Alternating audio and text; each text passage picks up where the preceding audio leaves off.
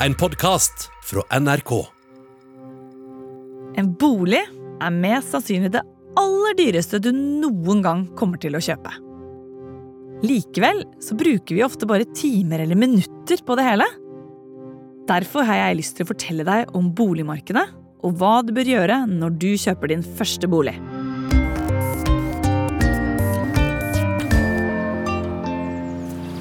Da ringer vi på. Velkommen til fjerde etasje. Jeg heter Cecilie Langen Becker og jobber som økonomikommentator i NRK. Boligmarkedet er det jeg snakker mest om i radioen, skriver mest om på nrk.no, forklarer på Dagsrevyen og får flest spørsmål om fra kollegaer. Alle er opptatt av bolig. Hvor mye penger trenger du for å kjøpe bolig? Hvilke papirer må du ha på plass? Hvordan skal du opptre budrunder? Og hvor mye kan du kjøpe for? Alt jeg har lært meg om boligmarkedet, har jeg lært gjennom prøving og feiling gjennom 20 år som boligeier. Det tenkte jeg at du skulle slippe. Hvorfor lærer vi ingenting om å kjøpe bolig på skolen? Det har jeg lurt på. Dette burde jo vært pensum.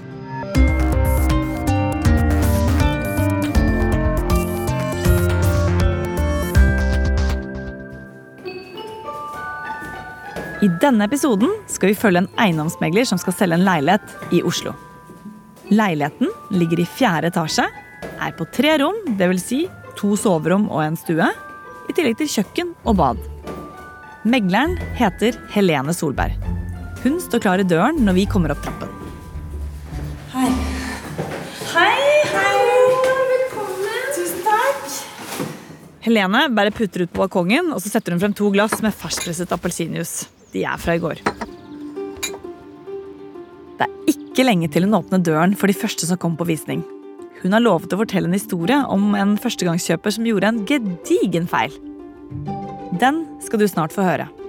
Men først Hvorfor er det sånn at vi på død og liv skal eie det stedet vi bor? For å skjønne det så må vi reise tilbake til Slottsplassen midt i Oslo til 3. august 1952. På Slottsplassen står det 50 000 mennesker og venter. Nå åpner balkongdørene seg, og ut kommer kong Haakon. Kong Haakon er bestefaren til vår egen kong Harald. Kong Haakon fyller 80 år i dag, og nå skal han tale til folket. Hvis jeg i dag kunne uttale et ønske Syv år har gått siden andre verdenskrig sluttet. Folk trenger steder å bo, så behovet for boliger er enormt. Ja, vi kan få bygget tilstrekkelig så hver norsk kan få sitt eget hjem. Folk skulle eie sitt eget hjem, og det å eie ble sett på som like viktig som at alle skulle få mulighet til å utdanne seg. Politikken skulle hjelpe til å gjøre dette mulig, men det hastet. For det sto ikke så bra til på boligfronten i Norge etter krigen. I Finnmark og i Nord-Troms er mesteparten av husene brent ned. Og mange andre steder i landet er husene ødelagt. Da krigen var over, manglet vi 23 000 boliger. Og i Filmavisen, som var det som ble vist før kinofilmen startet på den tiden, fortalte de om bolignøden på denne måten i 1946.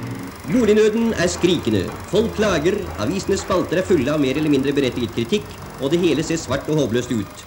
Men i mellomtiden arbeides det planmessig og målbevisst. Hele det veldige apparatet som skal skape de tusener av nye boliger som trenges, er i full gang. Og selv om det enda vil ta et par år, vil boligproblemet løses ved en sunn og klok byggepolitikk. En sunn og klok byggepolitikk i 1946 skulle sikre billige boliger til alle. Hvordan skulle Norge gjenreises?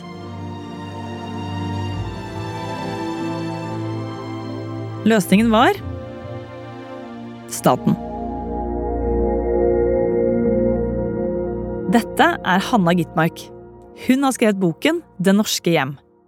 Det var en kombinasjon egentlig av tre ting som gjorde at man fikk til en massiv eh, satsing på eh, bolig, og på at folk skulle få et trygt og rimelig sted å bo etter krigen. Det første og kanskje viktigste var at man oppretta Husbanken i 1946, som altså ga rimelig kreditt og lån til folk, eh, så de kunne få bygd sin egen bolig. Det andre var eh, kommunal tomtepolitikk. At norske kommuner de ga fra seg eller solgte veldig billige tomter til boligbygging. Og det tredje sånn avgjørende viktig var satsingen på boligkooperativene eller boligbyggelagene. Og det var jo spesielt viktig i byene. Og boligbyggelagene skal jeg fortelle litt mer om nå. I dag kan ideen bak høres ganske vill ut. Men den gang fikk det enorm betydning for at de fleste fikk råd til å eie egen bolig. Hvordan skulle staten sikre seg at alle fikk råd til å kjøpe en bolig etter krigen? I dag styrer markedet prisen på boligen du kjøper. Men den gang bestemte staten hva boligen din skulle koste. Ja, sterk prisregulering var jo også viktig rett og slett for å holde prisene lave. Man bestemte at, rett og slett hvor mye boligprisene kunne øke med. Og det skulle ikke øke med mer enn prisveksten i, i samfunnet. Tenk deg det! At fine leiligheter ikke gikk på budrunde, men ble solgt til fast pris. Og måten det ble ordnet på, helt praktisk, var å lage såkalte boligbyggelag. Obos er et sånt boligbyggelag. Oslo Bolig og Sparelag står det for. Og da var det den som først hadde meldt seg inn i Obos, som da sto øverst på listen, som fikk tilbud om å kjøpe leiligheten. Og hvis han sa nei, for det var jo som regel mennene i familien som hadde medlemskapet, så fikk nestemann på listen tilbud om å kjøpe. Og sånn gikk det, helt til det kanskje ble din tur. Dette blir det jo ikke akkurat veldig høye boligpriser av. Men det gjorde at vi fikk bygget mange boliger fordi mange fikk råd til å kjøpe. Og i 1954 så satte Norge faktisk europarekord i boligbygging. Og så ble vi rikere i Norge. Velstanden økte, og den statlige beskyttede hånden over boligmarkedet ble litt svett og litt klam for flere og flere. Her er Hanna Gitmarken, hun som har skrevet boken 'Det norske hjem'. Etter hvert så, så man at dette systemet eh, opplevde noen utfordringer. Eh, en av grunnene til det var at man jo ikke prisregulerte hele boligmarkedet, man hadde bare prisregulering på de boligene som var bygd med støtte eh, fra Husbanken og staten, og de som var i borettslagssektoren. Så mer det private, selveiende delen av, av, boligmarkedet var ikke prisregulert. Og etter hvert da, så fikk jo folk eh, se at boligprisen i deler av markedet steg raskere enn der hvor de selv hadde bolig, og det skapte misnøye. Og det, den misnøyen den vokste seg etter hvert. Eh, så stor at det på en måte la grunnlaget da, for politikere som hadde lyst til å endre på det systemet. Og på 1980-tallet skulle alt endres. Da fikk vi en ny statsminister fra Høyre, og han het Kåre Willoch. Forestillingen om at man skulle kunne sitte i et departement og bestemme prisen på boliger, det var helt urealistisk. Det førte jo til svarte markeder og svindel og bedrag. Eh, og uheldig for boligbyggingen. Da Kåre Willoch ble statsminister i 1981, ble det bestemt at staten ikke lenger skulle styre boligmarkedet. Prisen på en leilighet eller et hus skulle bestemmes av hvor mye noen er villig til å betale for det. Ikke hvor mye staten mener det skal koste. Og dermed startet en prisgalopp på boliger i Norge. Folk kjøpte og solgte boliger som gale, og pengene de hadde folk lånt av banker som kunne låne ut så mye de ville.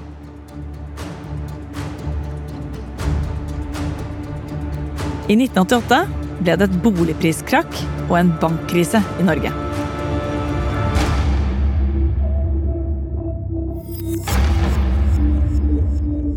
Mange opplevde å måtte selge boligen sin for mindre enn de hadde kjøpt den for. Dermed satt de igjen med høye lån selv etter at boligen var solgt. Bankene fikk ikke inn pengene de hadde lånt ut. Det ble kjempedyrt å låne penger fordi det var så usikkert om folk kunne nedbetale lånene sine. På det verste så var lånerenten oppe i 16% Mange familieøkonomier gikk til grunne i den tiden her.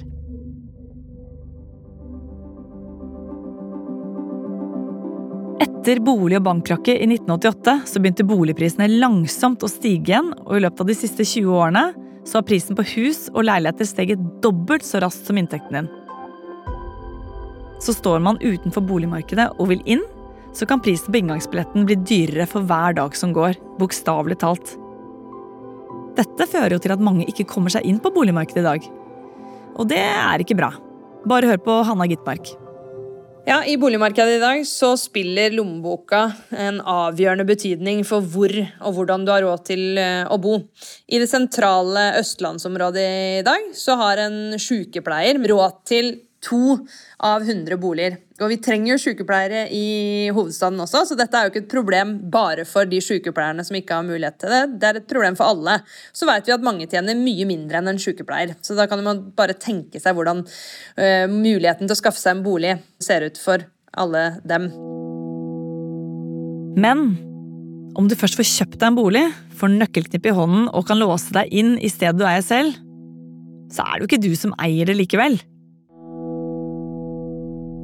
det er jo banken. Og det er litt lett å glemme. I Norge eier åtte av ti sin egen bolig. Samtidig er det sånn at husholdningsgjelden i landet vårt, altså det du og jeg skylder banken, er kjempestore beløp. Vi ligger på gjeldstoppen i Europa. Og det går jo bra, så lenge alt rundt oss går bra, men i krisetid, hvis vi f.eks. mister jobben eller det går dårlig med landet over lang tid, så kan vi få problemer med å tilbakebetale den gjelden.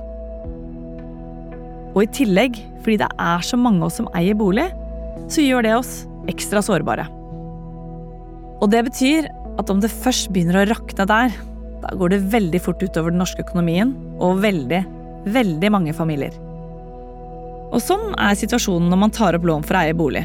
I Sverige er det jo helt annerledes. Der valgte de å satse på kommunale boliger som kommunen eide og bygde og driftet, eh, og hvor folk leide så mens våre naboer i Sverige gjerne heller leier enn eier, så kan det kjennes som at det er nesten obligatorisk å eie her i Norge. Og det er ikke lett nå som boligprisene bare blir høyere og høyere. Hvordan skal du klare å komme inn på et så vanskelig boligmarked? Det har jeg lyst til å hjelpe deg med. Men da må vi først tilbake på visning. Kan jeg hjelpe deg litt, jeg? Sånn at alt er klart. Leiligheten megler Helene skal selge, er en treroms på 57 kvadratmeter midt i Oslo. Taksert til 5,5 millioner kroner. Og Måten Helene har kommet frem til den summen på, det er som et slags regnestykke. Vi bruker et system som heter eiendomsverdi. Og Der kan vi se på alt av transaksjoner som er gjort i hele landet.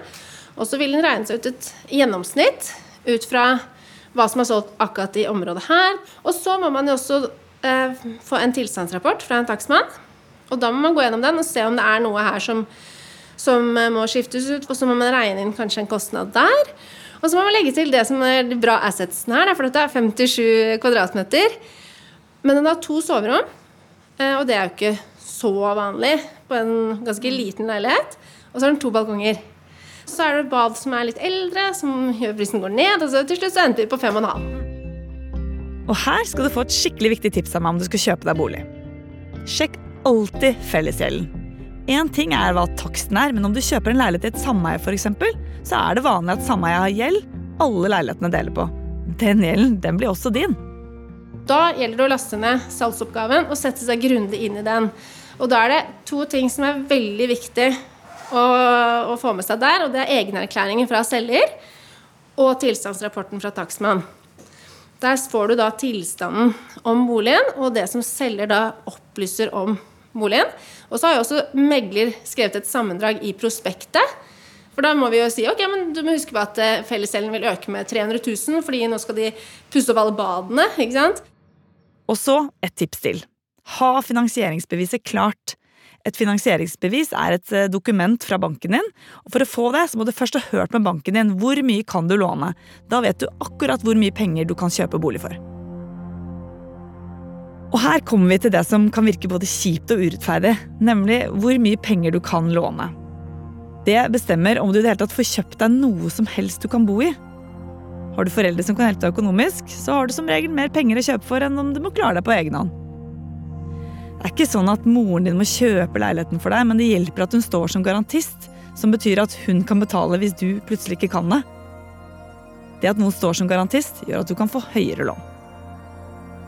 Det er nå jeg må fortelle deg hvor viktig mormor var for meg for at jeg faktisk fikk kjøpt min første leilighet.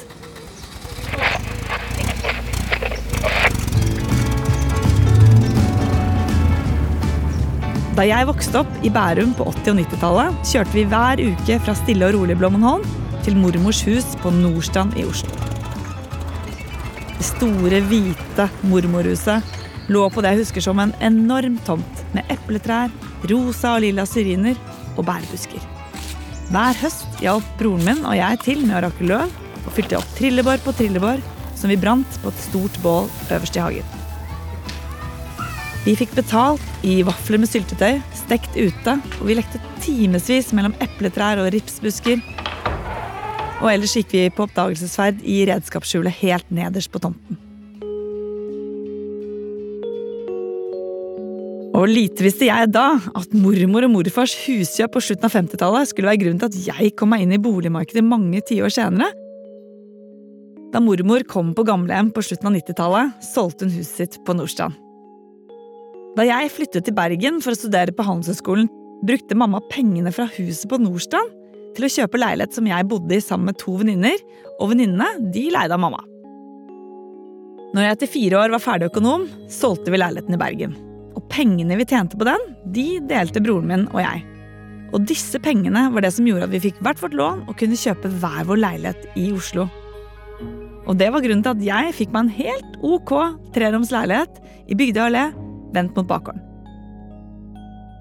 Jammen flaks for meg at besteforeldrene mine kjøpte det fine mormorhuset på slutten av 50-tallet, og gjorde det med andre ord mulig for mamma å hjelpe meg med en av livets viktigste inngangsbilletter. Og det gjelder ikke bare meg. For noen år siden begynte forskerne Georg Galster og Terje Wessel å undersøke hvordan besteforeldrenes bosituasjon på 60-tallet påvirker hvordan barnebarna bor i dag. Det de fant, var oppsiktsvekkende. Nå hører du forsker Terje Wessel ved Universitetet i Oslo. Den rå effekten av å komme fra besteforeldre som eide en stor bolig i, i Oslo, eh, den ligger faktisk på eh, nærmere en million kroner Det valget besteforeldrene gjorde for 50 år siden, det påvirker altså livet til barnebarnet i dag. De som har vunnet i lotteriet, er de som kommer fra Oslo-familier som har eid boliger der gjennom generasjoner. Sånn boligmarkedet er i dag, så er det ikke bare de uten besteforeldre med store hus i Oslo som har problemer med å komme seg inn. Det er vanskelig mange steder i landet, sånn som i Bodø. Bodø er en av byene der prisene øker mest det er så store summer, det er så mange nuller, at jeg har tatt litt avstand fra det, fordi jeg syns det er litt skummelt. Jeg blir veldig stressa, fordi når du skal ta et boliglån, så er det veldig mye penger på en gang. Jeg tjener jo ikke så mye, så jeg ser ikke den summen så veldig ofte, så det blir så fremmed for meg, og da jeg blir litt redd. Dette er Cham. Hun er konditor, jobber i Bodø og vil gjerne kjøpe sin egen leilighet. Etter skatt så får jeg utbetalt ca. Eh, 22 000 i måneden. Og så betaler jeg 5900 i månedsleie. Og etter vanlige utgifter som eh, strøm og internett eh, og mat, så er det egentlig ikke så mye jeg kan spare uten at eh, det går utover livskvaliteten. Da må jeg være litt sånn Da skraper jeg veldig. I Norge blir den økonomiske forskjellen mellom folk større og større. Statistisk sentralbyrå mener forskjellene er enda større enn de statistikkene viser. Og dette gjør at mange blir rikere, men mange blir også fattigere. Og når boligprisene øker, er det ikke vanskelig å skjønne hvem som får være med på den boligfesten. Her er Cham igjen. Jeg sparer så mye som jeg klarer, men når man ser på tallene eh, på hvor mye en leilighet koster, da, og hvor mye jeg må ha i lån, så er det allikevel ikke nok, fordi det føles ut som jeg har for kort tid. Fordi hun jobber som konditor med en årslønn på 350 000 kroner, så må hun spare i 17 år før hun får råd til å kjøpe egen bolig.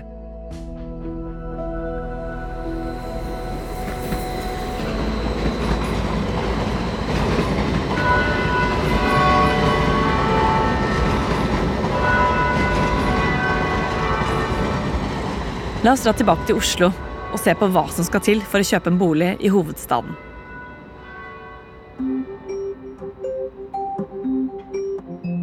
Hvis du skal kjøpe alene og ha et ok antall boliger å velge mellom, så må du opp i ca. 3,4 millioner kroner. Da får du kanskje ikke en flott leilighet i sentrum, men et sted må man starte. Her kommer en del tall, men heng med. Du får ikke lov til å låne hele beløpet som leiligheten koster. Det har politikerne bestemt. Du må ha 15% av summen i egenkapital, altså cash, som du spytter inn i boligkjøpet. Det blir ca.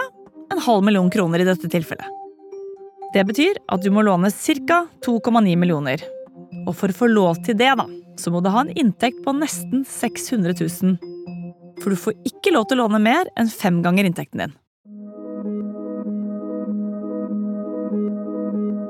Har du studielån på noen hundre tusen, så teller det også med. Og det gjør at du eventuelt da kan låne mindre. Da må du tjene enda mer for å få kjøpt den boligen. Det betyr at du må tjene minst like mye som den norske snittlønnen på 587 000 kroner. Og så krever det som sagt at du har greid å spare rundt en halv million kroner selv. For en stor gruppe folk som ønsker å bo og jobbe i Oslo, så er det eneste alternativet å leie bolig mens man sparer opp nok penger selv. I mellomtiden ja, da risikerer du at boligmarkedet fortsetter rett opp, og at du aldri klarer å spare nok. For alle de som er i den situasjonen, er det egentlig bare én ting som gjelder. Å kjøpe noe et godt stykke utenfor Oslo.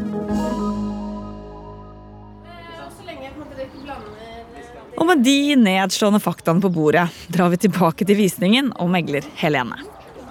Her fra en av de to balkongene i fjerde etasje så kan vi se ned på veien. Og der nede står det et kjærestepar som har tenkt seg på visningen etterpå.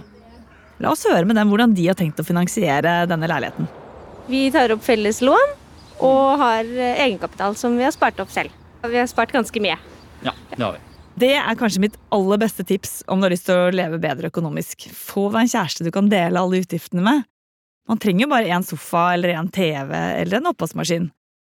Og når man deler, så blir jo sånne ting halve prisen.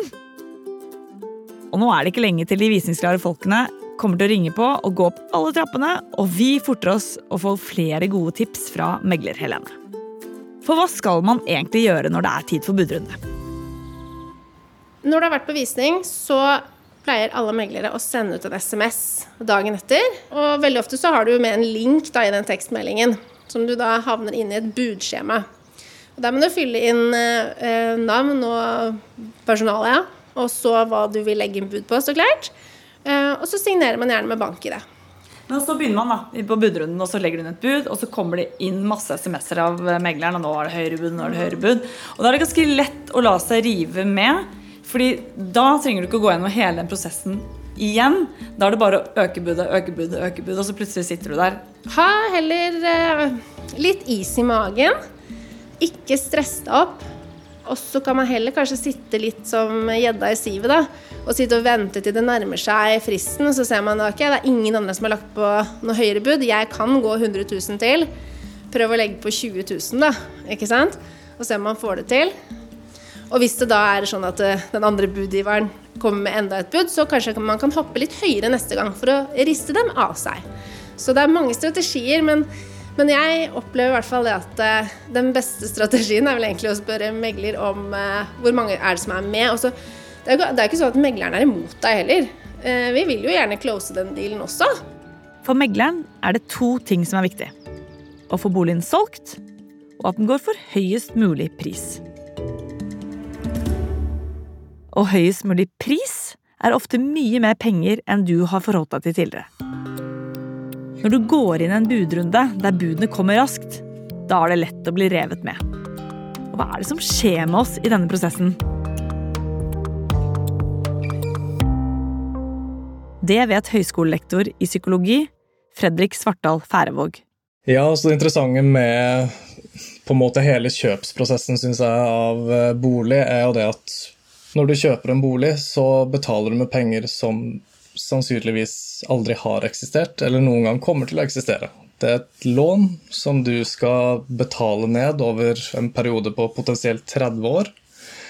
Og konsekvensen av å da legge inn noen ekstra kroner, eller veldig mange ekstra kroner, vil jo da også fordele seg over disse 20-25-30 årene. Så når du da står der i budrunden og har klinka inn fire millioner og krysser fingre og tær for at det skal gå gjennom, og det da plutselig dukker opp et motbud, Da er det jo lite i veien for å legge på 100 000, fordi de 100 000 eksisterer ikke. Det at pengesummen er så høy når du skal kjøpe bolig, gjør også at det er vanskelig å holde hodet kaldt. Og i tillegg så er det jo slik da at i en budrunde så handler du jo med tall du gjerne aldri handler med. Og det gjør noe rart med oss psykologisk, fordi det gjør at andre, også veldig høye tall, plutselig blekner litt i forhold. Fordi 100 000 er jo enormt mye penger. Men i en budrunde 100 000 er jo peanuts. Det er ingenting. Og litt av grunnen til det er at ditt på en måte virkelighetsbilde når det gjelder økonomi, har jo blitt helt forskjøvet fordi du har starta ut på 4 millioner, og så skal du begynne å ta høyde for disse 100 000 eller 200 000 det er snakk om. Og så viser det seg at psykologihøyskolelektor Fredrik ikke syns det hjelper særlig mye å være god til å tenke i budrunder. Mange av disse måte, faktorene som påvirker de vurderingene vi gjør, de er i veldig stor grad uh, ubevisste, f.eks.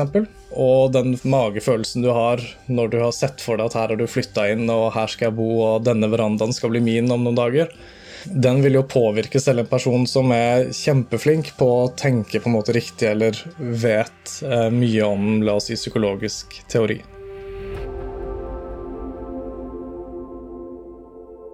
Jeg er jo tross alt økonom, så her skal du få tips av meg.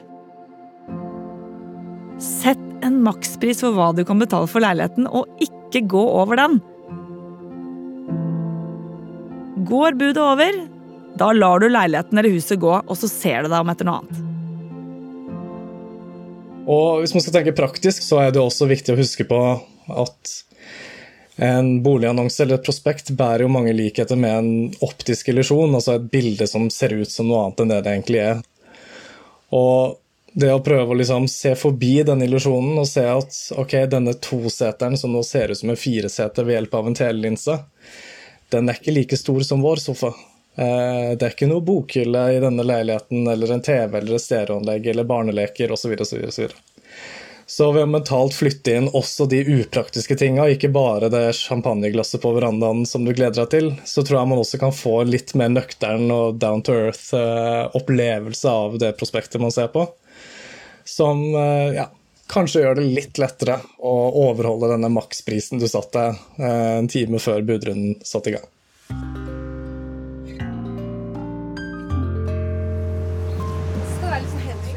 Nå er du tilbake på visningen. Det kan det. De trendy sorte og hvite tekoppene med matchende tekanne er plassert på spisebordet. Et par brune støvletter er satt frem midt på gulvet, og ukulelen, ja, den ligger på barnerommet.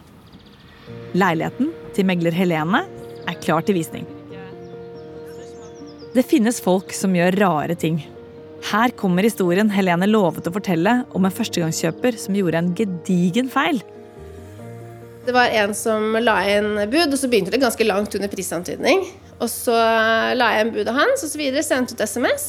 Og så plutselig så la han på 20 000 til. Og så er jeg bare, ok, men Kanskje han eh, endret strategi, kanskje han ville begynne høyere. da. Så vi legger inn det budet igjen også, ikke sant, med 20 000 høyere. Og så plutselig så sender han inn ett til da, etter at jeg sendte ut det budet med 20 000 til. Og da begynte jeg å ane litt ugler i mosen. Så ok, jeg ringer du, Hvorfor gir du meg bud på 20 000 av gangen hele tiden? Nei, jeg trodde det var eh, Jeg la jo inn Eh, er det ikke noen som eh, eh byr mot meg? jeg bare Nei, det er bare deg. Han bare Å, herregud, er det bare meg?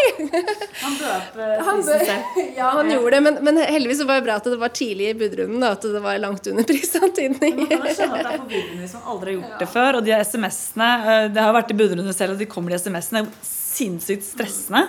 Så blir det sånn Hæ, hvem er det? Og nok om den, og hvorfor? Og, og, blir, at, og det er jo lett å la seg rive med og få liksom helt eh, ja, Du mister hodet fullstendig. Nå skal kjæresteparet nede på gaten og de andre som har lyst til å kjøpe leiligheten, få komme inn. Velkommen opp i hver etasje. Vi sniker oss ut og ned trappa, og så blir det spennende å se hva leiligheten blir solgt for. Kommer den å gå til taksten på 5,5 millioner?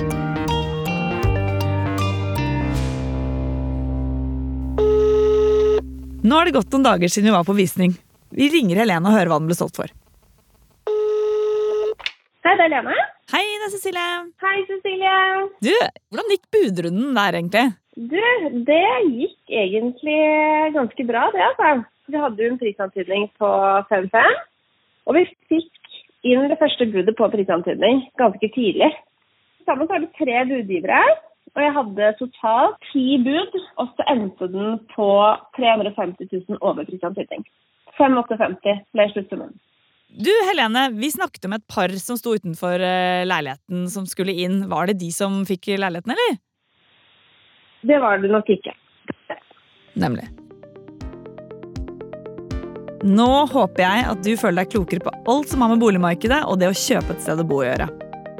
Og de tre viktigste tingene du skal huske fra denne episoden er 1. Fokuser på det du kan gjøre noe med.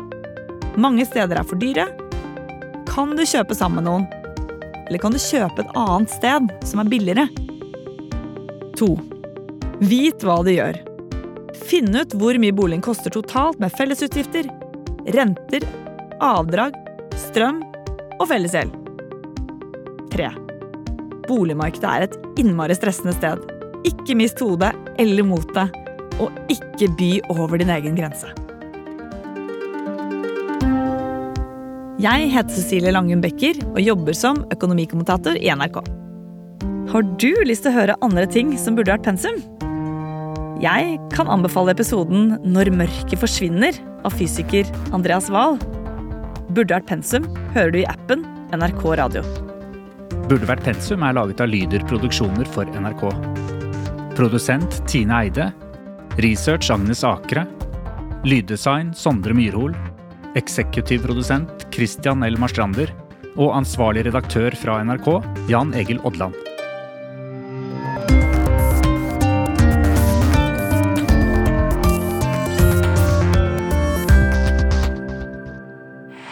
En podkast fra NRK.